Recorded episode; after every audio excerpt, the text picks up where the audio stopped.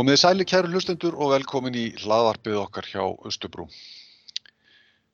Það er komið nýtt ár og það er við hæfið að tala um hreyfingu held ég í fyrsta þætti ársins.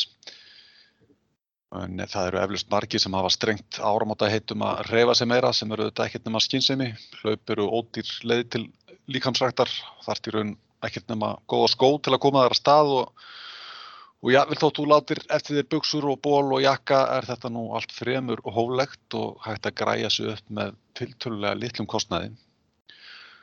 Og þótt að eflust sé að hægt að læra ímsa góða siði þegar kemur að þessari íþrótt þá snýst þetta nú aðalega um að fara bara út, ekki bara þegar veðrið er gott og hlaupa á stað.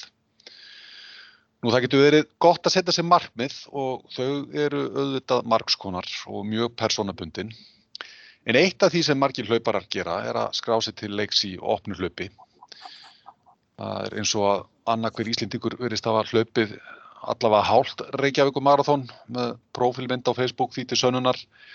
En það er auðvitað til margs konar hlaup á Íslandi og frambóðið hefur ekki minkað á síðustu árum. En það er þetta vinsælt tómstund og verður bara vinsælli. Við förum ekki varhluta að þessari þróun hér fyrir austan. Um, ára bils og í tæki dæmi þá hafa menn til dæmis hlaupið Barsneslaup um vestunumanna helgina þar sem hlaupið frá Barsnesi til Norrfjörðar um Viðfjörð og Hellisfjörð. 27 km hlaup mun ég rétt og, og krefjandi. Og nú allra síðustu árum hefur Dyrfjallahlaupið stimplað sig inn sem eitt af skemmtilegustu utanvega hlaupum Íslands og ég veit ekki betur en að það, uh, þáttakann hafi aukist með ári hverju og með þáttaka hafi verið í fyrra með vel yfir 400 þáttakendum. Og við ætlum að spjalla eins um þetta hlaup í þættinum í dag sem verður eflust einn af hápunktum ferðasömarsins. Ég heiti Jón Knútur Ásmundsson og hjá mér er Olger Pétursson, hlaupastjóri. Sæl og blessaður, Olger. Blessaður og sæl, Jón. Var þetta ekki allt eh, satt og rétt hjá mér með eh, hlaup? Er þetta ekki bara ótrúlega skynsum leið til að stunda líkamsrækt? Jú, ég bara tek heilsugar undir það. Það er, það er margt hérna, vittlust hægt að gera í reyfingu og, og því en hlaup eru kannski eitt af því svona einfaldast á það er þetta sem þú gerir. Eh, þetta er alltaf mikið að þú ert að stýra þér sjálfur og það er engin að íta á þig og þú ættir aðalega snýst bara um að fara út og, og reyfa sig sko. Já. Hérna kannski áður um við förum í svona, já, já, byrjum bara á þessu hlaupi, dyr fjallarhlaup, ef við bara, hvernig hlaup er þetta? Hvernig aðgreinar þetta sig frá uh, öðrum hlaupum? Hver, hver er svona sér, sérstaða dyr fjallarhlaupsins? Sko eins og kannski í, í liggur í nafninu að þetta er, sko það sem þetta skilgjörnir sig frá öðrum hlaupum er Dyrfjöllin sjálf sem við erum hérna í kringum. Um, þetta er náttúrulega fimm ára gamalt verkefni sem við erum með og við höfum alltaf verið í kringum Dyrfjöllin. Höfum verið að fara hinum einilega við Dyrfjöllin inn í stóruðurina fyrst. Þannig erum núna búin að breyta einn stil og erum að fara inn í víknarslóðir. Uh, þannig að Dyrfjöllin vaka alltaf yfir okkur og þú ert alltaf hérna með Dyrfjöllin svona á bakvið þig eða fyrir fram að þig. Já. sem gerir þetta mjög sérstæða því að þeir sem hafa séð dyrfjöldin og komið nála þeim eru gleima þeim seint sko. þetta eru, þetta eru stóru og svipingir fjöld sem að svona vaka yfir manni þannig að það Já. er kannski mikið sérstæða í að vera þar og Já. það er ekki sko. uh, þetta er auðvitaðvegarlaup og þetta er mjög blandaður hérna, svona blandað undirlag sem við erum að fara í gegnum og það gerir kannski hlaupi líka mjög skemmtilegt. Að þetta er bæði farið eftir vextlóðum, það er farið eftir fjárstígum, það er farið eftir malastígum, þetta er svona og það er náttúrulega gríðalega fjölbreytt landslag sem við förum í gegnum. Og það er með utan með hlaupin er það kannski eitt af skemmtilegasta og, og svona eftirminnilegasta þegar maður tegur þátt í svona keppnum er að fara í gegnum fjölbreytt landslag sko og svo náttúrulega erum við á austfjörðum og það er náttúrulega aldrei að vita hvort það verið 25 steg hitti eða, eða 5 steg hitti og snjókoma í júli það er svona það er líka skemmtileg upplifin að fara í gegnum mörgu viðurkerfi sko. og það er eitt, eitt hluti af upplifinni bara að þetta er hérna, áskorun. Og það er engin að segja að þú eru að koma fyrstur í mark. Auðvitað við að hlaup í mínum huga snúast minnum það að vera fyrstur í mark heldur bara að komast aðalega bara að koma sér á marklínuna nei hérna ráslínuna og bara fara á stað sko, hvort sem þú klárar það ekki. Þetta er bara challenge að fara á stað og það er bara það veist, það er það skemmtilega við þetta. Já. þetta hendur öllum og það geta allir tekið þátt. Ég alveg bara ég mun hamra því eins lengi við lifi að það geta allir tekið þátt í svona auðvitaðlöpi það er er bara þú er bara mislengi að gera það sko eh, það er auðvitað skemmtilega að vera, vel undirbúin og vera vel æfður og það, það gerir löpið ánægulegra og þú mannst meira eftir löpinu í því betur formi sem þú ert sko. Það er erfitt að vera að strögla og horfa bara á lappirnar á sér og, og svo leið sko. Já. Og hérna hva, hvað er þetta já, kannski í fyrsta lagi, þetta hefðbundna dyrfjallahlaup, hva, hvað er það, hvað er það langt í kílometrum og hérna, og eru þið með, sem sagt, hérna, veist, eru þið með nokkra gerðir af hlaupum? Já, við gerum það í fyrsta sinn í fyrra, þá ágöfum við að breyta eins til. Ég, ég sést, við höfum alltaf verið að fara í gegnum stórurina sem er svona frekar hérna, krefjandi leið og, og er svona bæði mikil hækkun á stuttum köplum og erfiða brekkur.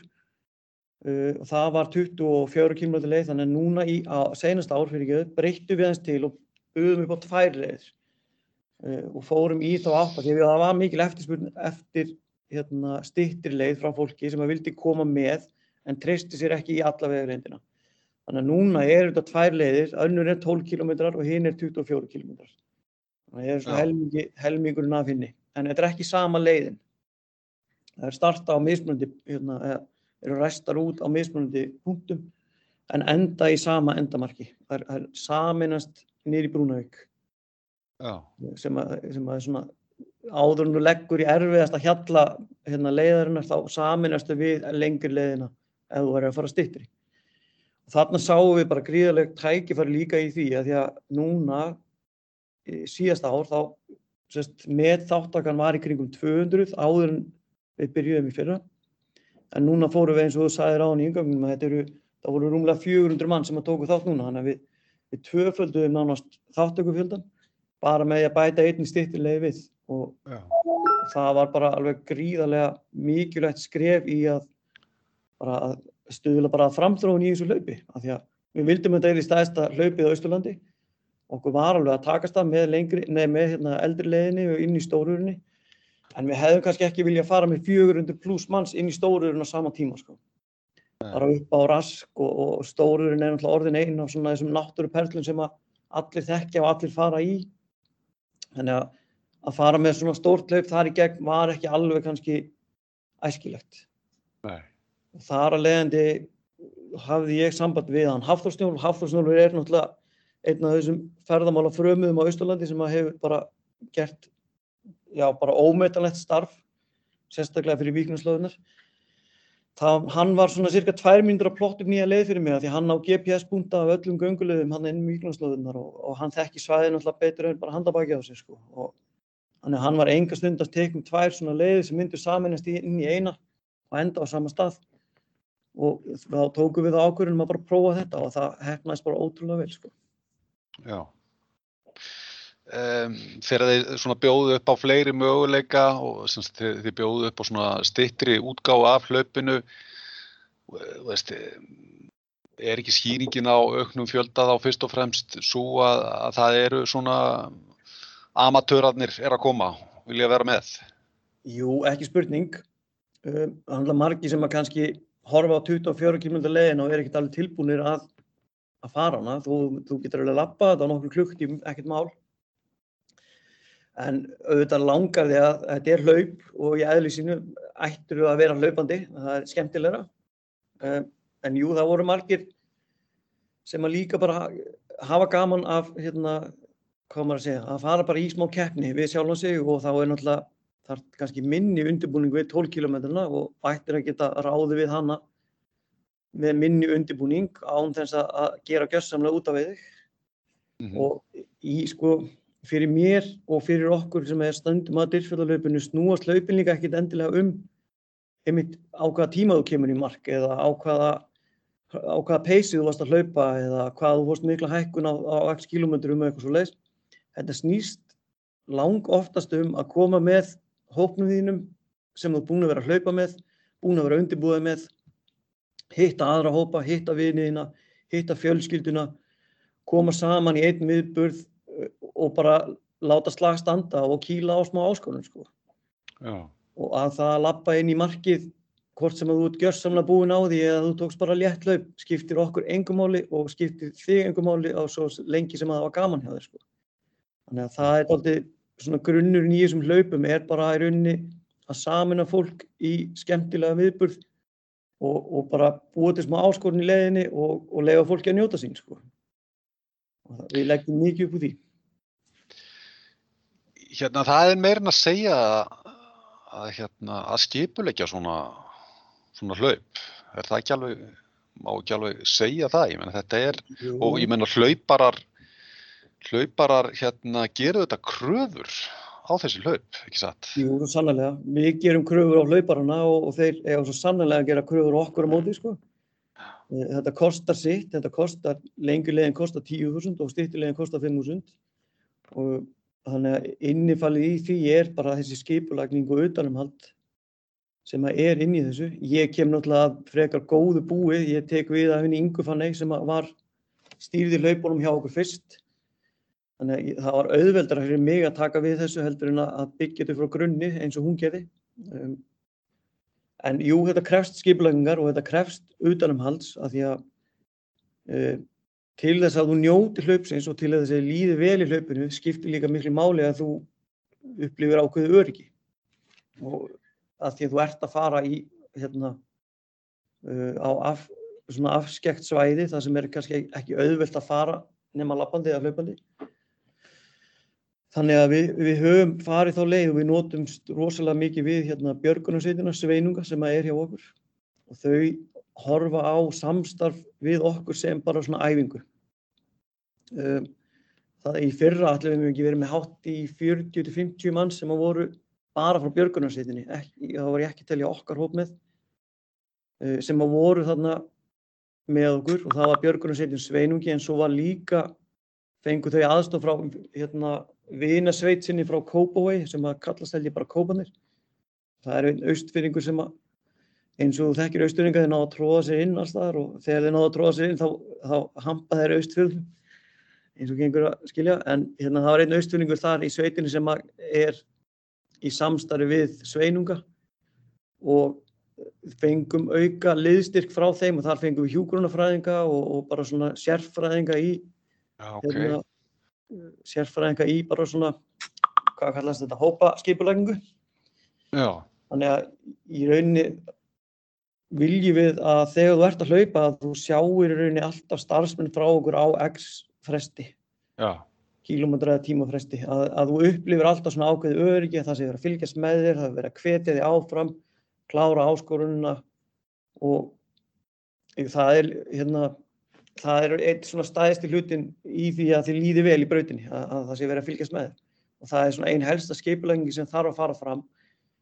En við sem, svona, við sem sitjum að nefndinni utanum hlaupið erum ótrúlega heppin með sveinunga björgunarsveitina því að þau gera þetta algjörlega bara framúskarandi vel og ég eiginlega alveg bara lofa því að það er ekki mörg hlaup á Íslandi sem hafa jafn góðan aðgang að svona rosalega sterkri uh, björgunarsveit sem er til í að gera svona stórt verkefni með okkur sko.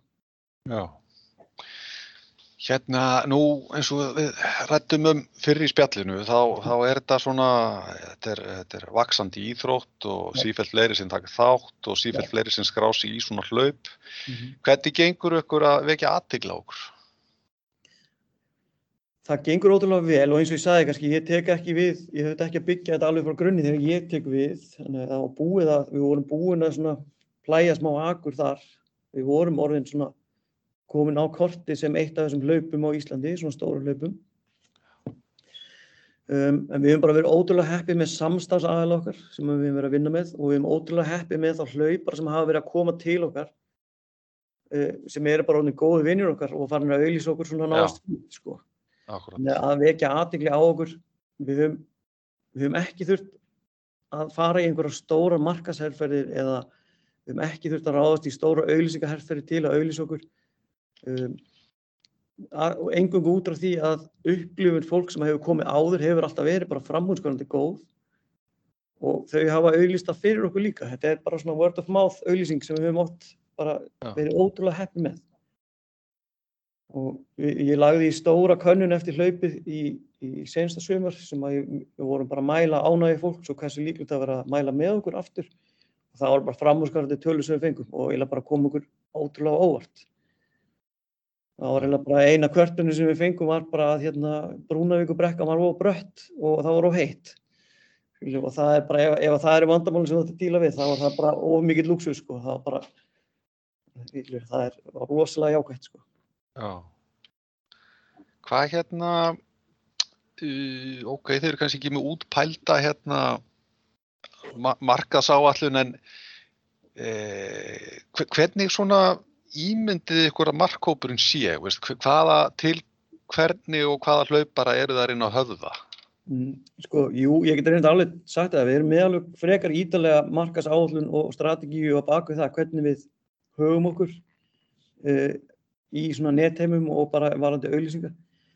En salan á miðum hefur bara alltaf verið þannig að við höfum ekki mikið þurft að grípa til þessara aðgerða. Um, jú, það hafa alltaf verið smá auðlýsingar í gangi bara til að vekja aðtekli á okkur. En hérna, við vorum búin að skilgrina markkópunni okkar nokkuð vel bara út frá gögnum sem við áttum. Uh, og markkópunum okkar er í rauninni, hvað á maður að segja, sko bara fjölskyldufólkið. Fjölskyldufólkið er miklu með líklegir til að koma til okkar heldur en yngra og eldra fólk.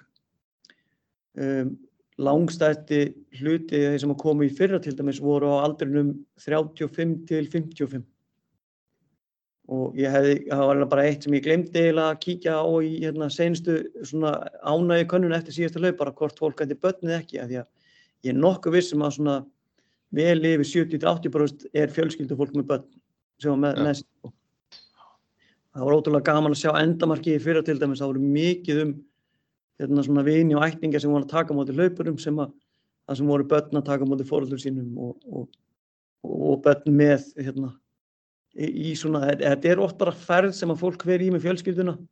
Hvort sem það er fjölskyldufæðurinn eða móðurinn sem dregur alla fjölskylduna með sér því hún, hún ætlar að fara og taka þátt í áskorun og, og tekur alla fjölskylduna með og tekur hérna tvær nætur á tjálsæðinu og, og fer á tónleikana eftir hlaupið. Þannig að markkópunum okkar hefur alltaf verið þetta svona fjölskyldu fólki sem er í svona í ferðahug og vil gera aðeins meira úr því en bara koma og hlaupa. Og það Já. var eitt sem við lögðum alveg bara stert upp með og leggjum ennþá bara stert upp með að við viljum að fjölskyldan komi með og við viljum að þetta sé tveggja til þryggja daga dagskrá sem þú kemur og tekur þátt í. Að það sé eitthvað að gerast á föstudaginn þegar þú kemur. Laugardagurinn er svo kannski undirlaður að hlaupi og kannski eitthvað fyrir krakkana tónleikar eftir hlaupið og í fyrra vorum við með þá þá hérna bræður Jón Jónsson og Friðrik Dór sem voru með svona fjölskyldu slass hlaupatónleika þar sem að var krakkarnir stóðu fremst og sungu með og, og, og, og hérna, fóröldarnir fengu að fylgjast með eftir á. Uh, og síðan á þetta að vera viljum við núna og ætlum að gera núna í fyrsta sinn á, á næsta ári að bjóða upp öllum þáttakvöldum í fría göngu inn í stórur eftir á, hérna daginn eftir hlaup. Bæði þannig að þú náir mjölkusýrinu úr löpunum og, og líka að, að krakkarnir geta komið veri, og verið með sko. Og þá var ég, var ég bara, ef ef við náum 100 manns í, í göngu á sunnudeginum eftir, þá var ég bara, það myndi gleða mig alveg ótrúlega mikið að, að þetta myndi svona binda loka hnútin á helgina. Að, að mæta saman og lappa saman og eiga bara rólega stund líka í, eftir allan hamagangin, sko. hvaðan er fólk að koma? Höfuborgarsæði var rosa stórt í fyrra. Það var langstæðsti hluti af fólkinu sem kom var á höfuborgarsæðinu. Og ég held að það sé líka hægt að stimpla það út frá að fólk á höfuborgarsæðinu er miklu nær hlaupa viðburum heldur en fólk á landsbyðinni. Um, þetta er orðið meiri menning hérna á höfuborgarsæðinu, það er auðveldar að fara í fleiri hlaup og gera svona viðburði og gera helgar úr þessu hérna frá höfuborgarsæðinu heldur en frá landsbyðinni. Það er erfiðara fyrir þig frá Austurlandi að koma og taka þátt í Reykjavík marathóninu Þú ert alltaf að fara í hvert einasta skipti, ef þú ætlar að taka þrjú, fjögur hlaup á ári þá þarfst alltaf að fara í þrjú, fjögur skipti með allt, skilur hafið kannski með þér. En frá höfuborgarsæðinu þá er þetta kannski auðvöldari fyrir því að skreppa einan í, í hver að gerði og taka hengilinn og, og taka svo eitt, tvö hlaup einhvers þar í heimurkinu og fara svo einu sinni út á land, sko. Mm -hmm. vel þekkt úr íþrótafeyfingunum fyrir austan að þú ætti alltaf að keira í alla útileiki, þeir eru aldrei nálattir. Akkurát. Langstæðstu luti margt frá höfubokarsvæðinu en það var ótrúlega gaman að sjá, það mikið, kom fyrir mikið frá Norðurlandi, mikið frá Akureyri. En ég hvet alla austfyrringa sem eru núna og, og, og eru að hlusta að, að taka þátt í þessari áskorun og, og mæta og gera sér bara leika borði og skrá sig og bara setja sjálfa, setja pressu á sig sjálfan og bara mæta. Já. Ég hefði viljað sjá miklu fleiri, fleiri austfyrringa heldur en voru. Nei. E, en er þeim uh, fjöl, fjölgaði þeim til dæmis í fyrra þegar þeir voru með svona góða átöku? Já, það var, það var ótrúlega jágætt, þeim fjölgaði og, og það var gaman að sjá bara margar kempur sem maður þekkir bara frá fyrir tíð að, að skrá sig og mæta sem maður kannski hefði ekki, voru ekki búinir að því fyrr og voru ekki búin að láta sjá sig í dyrfjallalöpinu hérna á fyrri árum. Það var gaman að sjá það og ég held að 12 km leginn hafi líka hérna gert það verkum. Já. En mér, hérna, það er alveg mikil hlaupa hreyfing á Íslandi og, og, og ég veit það og ég þekki marga sem er að hlaupa mikið og, og eru í hópum og eru mjög duglegir. En það er kannski bara ég ætla bara að setja áskorun á Íslandinga að koma þessum betur inn í menninguna að, að láta slagst anda og bara að skrá sig í viðbörðina því að þetta eru þó að þetta séu langa vegalendir og erfiðar í eðlisínu eins og 24 km leið að þá er þetta langt frá því að vera ógerlegt. Ja. og eins og staðan er í dag, núna eru hvað við erum að tala um 8 mánuði 7-8 mánuði í hlaup. Það er meira, næg, meira en nægu tími til að koma sér í smá stand og, og finna réttu skona og, og, og bara peppa sér andlega í að mæta. Og oft er þetta meira hausin heldur líka minn sem stoppar þið af. Ja. í svona. Þannig að þetta er bara hérna, verða ekki spurning að skrá sig og mæta sko Já Þetta hljómiðu svo góð loka ár hjá þig sko, en nú er ég bara ánum svo forvitin. Ég, ég var náttúrulega til að spyrja það eins meira. Hvað hérna, uh, er þetta sjötta skipti sem þið haldið þetta laup? Já, í ár verður sjötta skipti sem við höldum þetta. Ok. Og annars hérna... skipti sem við erum með tvær leiðir. Já, já, já. Hvað hérna, hvernig byrjaði þetta? Hvað, hvað hérna, hver er forsagan að þessu?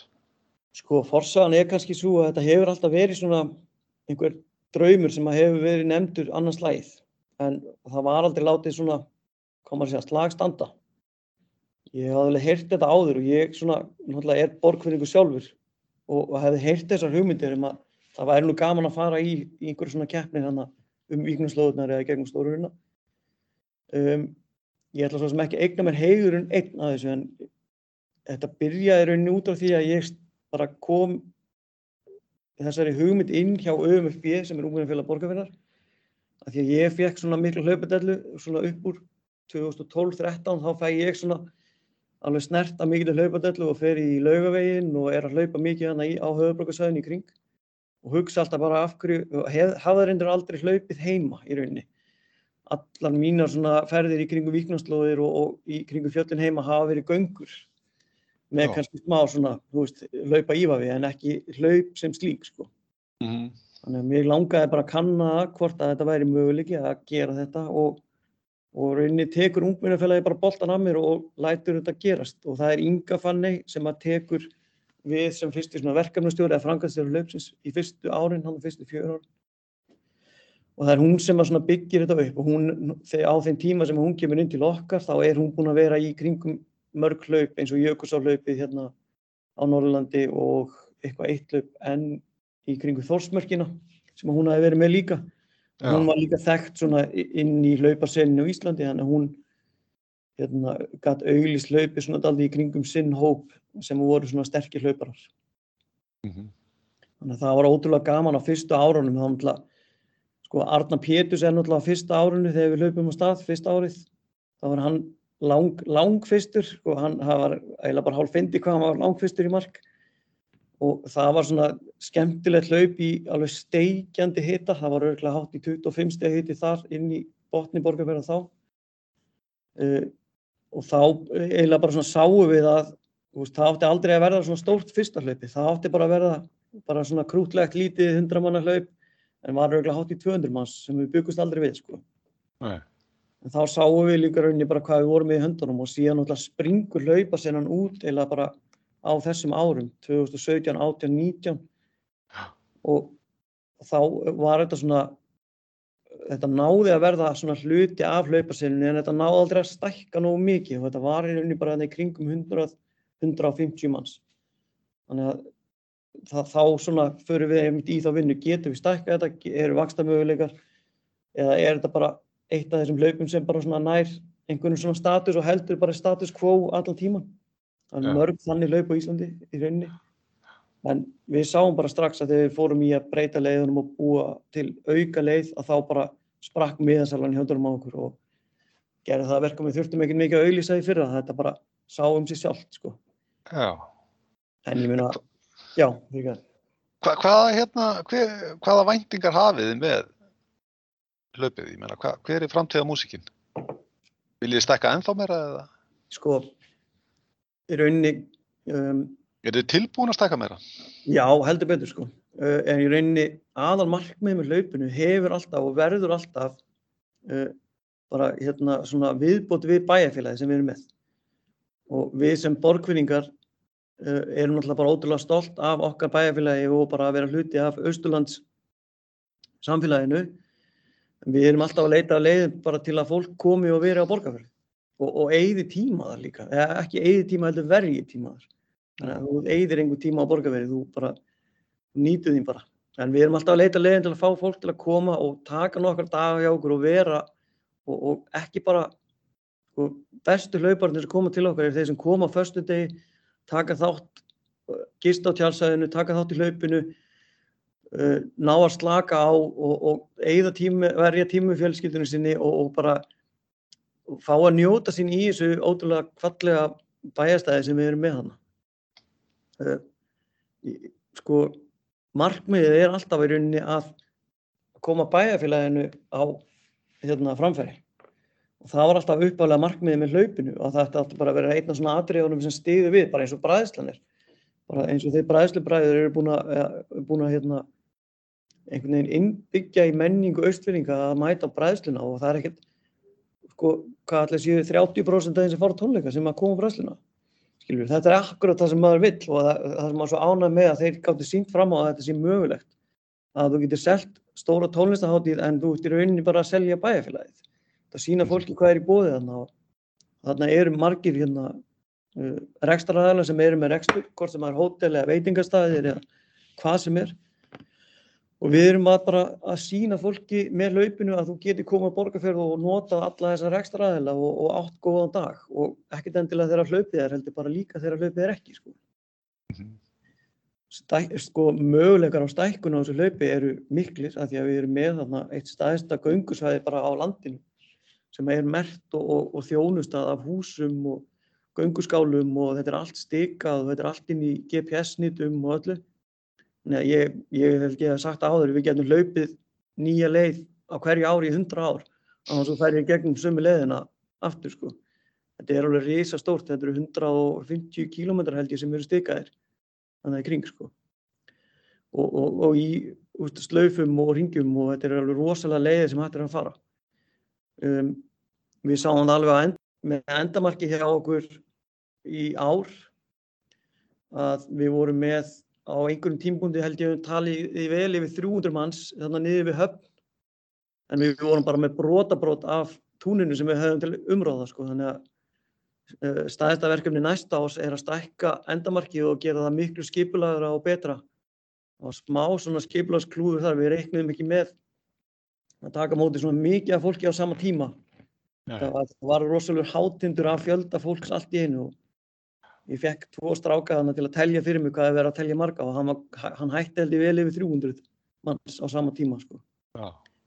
Þannig að núna næsta ár verðum við með miklu betra endasvæði sem að tekur á móti fleiri manns í svona skipulegum já, í skipulaðri svona kaos, ef við verðum að kalla það. Já.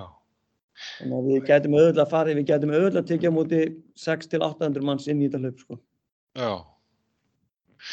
Já, það, meina, þetta er nú þegar bara, þó að það sé stækkandi hlaup og þið eru svona nýbúin að taka þennan vakstakip, sko, þá, þá hefur þetta alveg þýðingu inn í ferðasumarið á borgarfyrði. Ekki spurning. Já. Ekki spurning og ég held líka að þarna séum við eins og bara ef við hugsaum út frá svona austurlands samfélaginu, þetta er, þetta er svona nýr vingill á ferðasumar líka, sko. Þetta er ekki bara snýst ekki um, jú, tónlistin kemur hann inn í og, og fjölskyldu skemmtuninu, þetta snýst líka um bara áskorunna og heilbriðan lífstíl og, og, og bara, hvað maður segja, bara hamingju, sko. Mhm. Það er, það er rosalega hamingja sem fælst í því að fara af stað inn í svona hlaup, inn í svona áskorun. Og hvort sem að þú ert hamingja saman, þú ert búið með hlaupið eða ekki, þú verður það alltaf daginn eftir, sko eða bara veist, tíu mínutum eftir og kemur inn í mark. Það, þetta er rosalegt, þetta er upplifun sem að þeir sem hafa farið í gegnum bara þekkja vel og, og, og sækja í aftur og aftur. Sko. Já. Sjáu þið fyrir ykkur uh, markasetningu erlendis og svona? Ja. Já, ekki spurning. Já. Við höfum áður verið með erlenda aðeins sem hafa komið til okkar uh, en við höfum aldrei farið í erlenda markasetningu en við sjáum vel fyrir okkur að og það sést alveg bara auðvitað á hlaupum hérna í kringum höfubokarsæði sem eru í erlendi markasetningu. Laugaveirun hefur held ég á einhvern tímbúti farið í sko 40% útlindi, erlenda ferðarmenn og, og 60% íslendinga, ef mann rétt. Já. Þannig að það er alveg klárlega, klárlega hérna, markaður fyrir það sko. Mm -hmm. Það er ekki byrjum. E, nú bara reikna ég með því að það er einhver sem er að hlusta sem er hérna, það, það er búið að kveiki í honum. Það er alltaf búið að kveiki hans í mér. Ef ég, ef ég verð á svæðinu þá, Okay. þá skoða ég þetta. Hérna, allar upplýsingar um þetta hlaup, það finnur bara á Facebook og Tix og þessum. sko, við erum með Facebook síðu og við erum með Instagram og, og inn á tix.is sérðu allt um hlaupið og inn á tix.is er hægt að kaupa náttúrulega miða og þar er hægt að kaupa líka hérna bóli með merki hlaupsins sem er verið afhendi fyrir hlaupið þannig að þú getur flagga deyrfjallahlaupsmerkinu á meðan ert að hlaupa.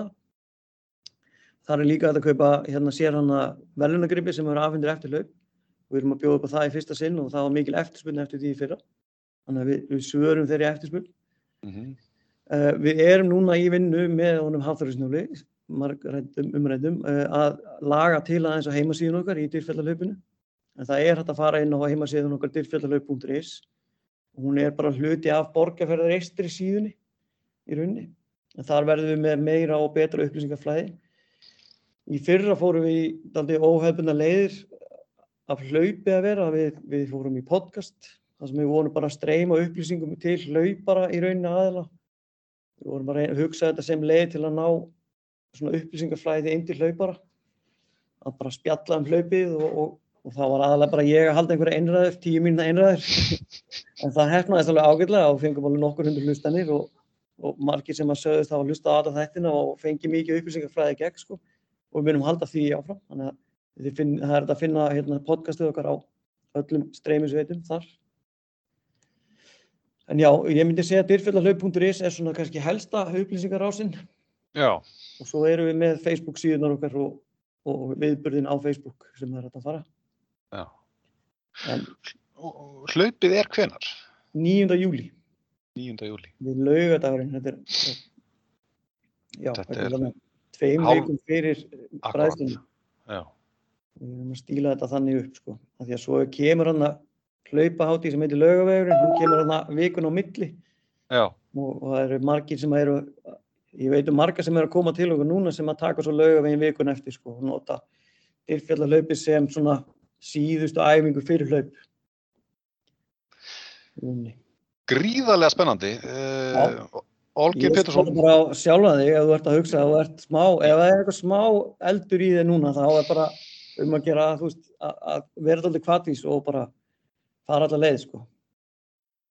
Að við höfum líka verið í því, að, sérst, við erum mjög svona, í svona anda hvað sem er ungminnafélagsins, þá erum við alltaf svona, við viljum að allir koma og taka þátt og við viljum að allir séu alltaf vel undirbúnir þegar þeir koma, en ef þeir lenda í þeirri, hérna, þeim vítarhinga verða ekki nógu vel undirbúinir, þá er ekkert mál að selja miðan aftur. Og við hefum verið mjög, hérna, hvað maður að segja, líbó á það að, að endur greiða miða ef þú kemst ekki, ef þú ert slasaður eða bara ef undirbúningurinn tókst ekki nógu vel. Ef það er eitthvað þá viljum við frekar geta hjálpað þér heldur en hitt. Og það er, það er til dæmis Facebook síður sem heita bara hérna, hlaup, skipti og sala á miðum Mhm. sem hann auðlýsa miða sín og þá tekur hann einhver annar bara.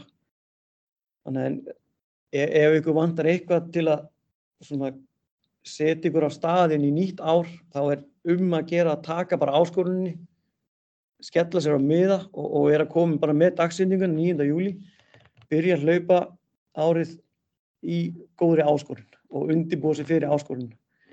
Það er ekkert jafn gefandi og að undirbúa sig í 6-12 mánuði hvað sem það er og, og uppskera eftir því. Það er bara að- að við erum búin að sjá það aftur og aftur. Þegar þú kemur og þetta er svona, ef þið munið til atriðin úr hérna Love Actually, það sem þau standa á flugvöllunum og er að horfa á fólkið faðmast þeirra hittislóksis. Þetta er mjög svipað moment sem átt þegar þú kemur í endamark á svona hlaupi og horfir á fólk koma í endamarkið, faðma krakkana sína eða faðma hérna maka sinna. Þetta er bara, þetta er ómyndilega stundir. Þetta er, þetta er, það er eitthvað sem það er svo ótrúlega mikið velíðan og, og bara hamingja í þessu sem fælst í þessu að horfa á fólki komið mark sko. Þú ert alveg komin upp í skíin, sko. ég bara sé það. sko. Allar að hlaupa sjálfur eða? Herði, mér langar rosalega, ég er bara með hlaupadellu ennþá þó ég sé ekki alveg jafn duglegur ég var. Ég þurfti stundum að standa mikrofónunum í, í fyrra, í endamarkinu. En ég er ennþá að leita að, ég spurning hvort að Bjarni félagið taki mikrofónunin ef hann ætlar ekki að hlaupa í ár. En hérna, ef einhvern ennir að halda í mikrofónun og, og, og þylja upp hverjir er að koma í mark, þá skal ég hlaupa og það er meirinn til í það. Sko. Já.